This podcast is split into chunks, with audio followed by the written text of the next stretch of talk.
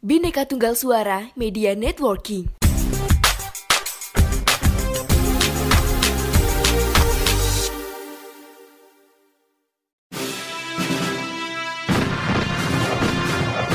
Saya berbicara di sini sebagai penyambung lidah rakyat Indonesia.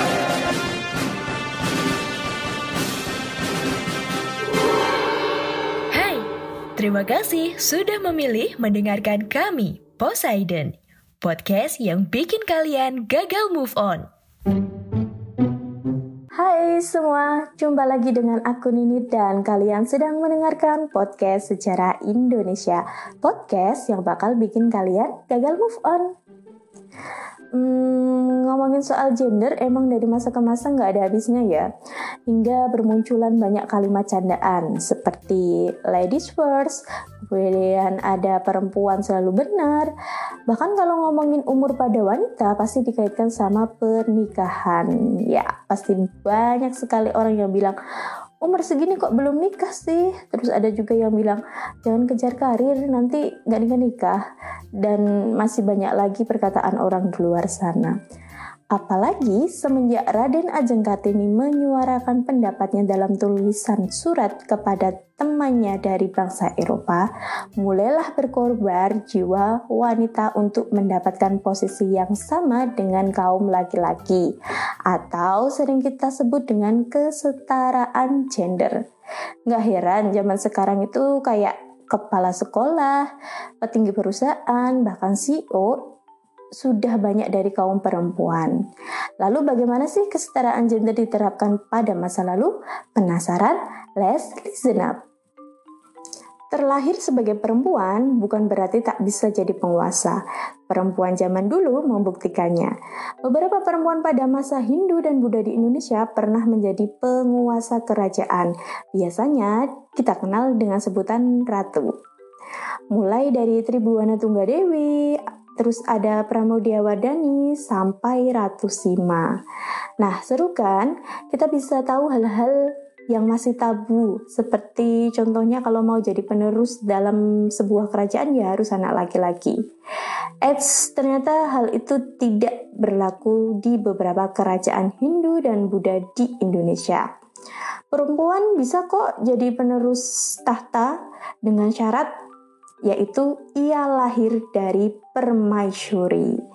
Intinya sih yang penting penerus raja itu harus lahir dari permaisuri. Meski laki-laki tapi tidak lahir dari seorang permaisuri atau terlahir dari selir raja, maka ia tidak bisa menjadi penerus raja. Sudah paham ya? Yang penting itu anak dari permaisuri. Kali ini kita akan berbicara salah satu perempuan penguasa yang terkenal dengan sifatnya yang sangat adil, tegas, dan bijaksana. Ya, siapa lagi kalau bukan Ratu Sima? Ratu Sima ini berasal dari sebuah kerajaan bernama Kalingga atau sering disebut juga dengan Kerajaan Holing dalam beberapa catatan Cina. Tak banyak peninggalan dari kerajaan Kalingga ini, baik prasasti maupun bangunan. Sumber sejarah dari kerajaan ini kebanyakan berasal dari catatan orang Cina. Nah, dalam catatan dinasti Tang, itu disebutkan terdapat kerajaan yang bernama Holing yang berada di Jawa.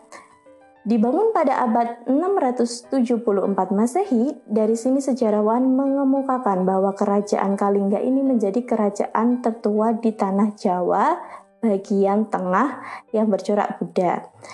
Nah, berdirinya ini itu hampir sama dengan kerajaan Tarumanegara.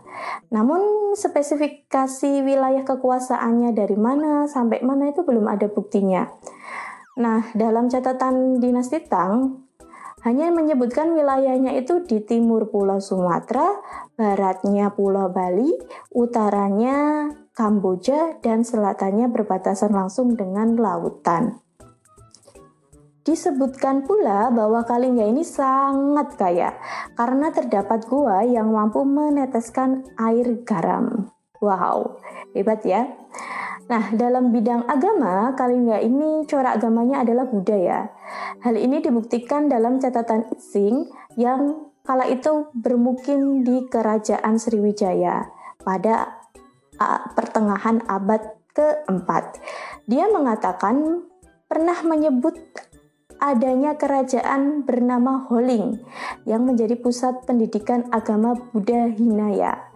Contohnya adalah biksu dari Cina yang bernama Huining. Hal ini membuat Cina sering mengirim utusannya ke Kalingga untuk belajar agama Buddha. Hebat ya pemimpin perempuan kerajaan pada masa lalu. Meskipun seorang perempuan, Ratu Sima itu sangatlah dihormati. Yang perlu kita tiru ya seperti jangan cuma minta kesetaraan gender hanya demi kenyamanan satu pihak saja. Tapi kita harus juga membuktikan bisa melakukan hal yang luar biasa. Semangat untuk perempuan-perempuan di luar sana. Apa pun keadaan kalian, karir kalian, rumah tangga kalian pasti dilakukan dengan kehebatan masing masing-masing. Jangan lupa ya follow akun Poseidon di @podcast underscore sejarah Indonesia. Dan ada yang baru nih kalian bisa lihat kita di website www.binekatunggalsuara.id di dalamnya ada podcast-podcast lainnya yang menarik. Jangan lupa didengarkan. Terima kasih saya pamit. Bye bye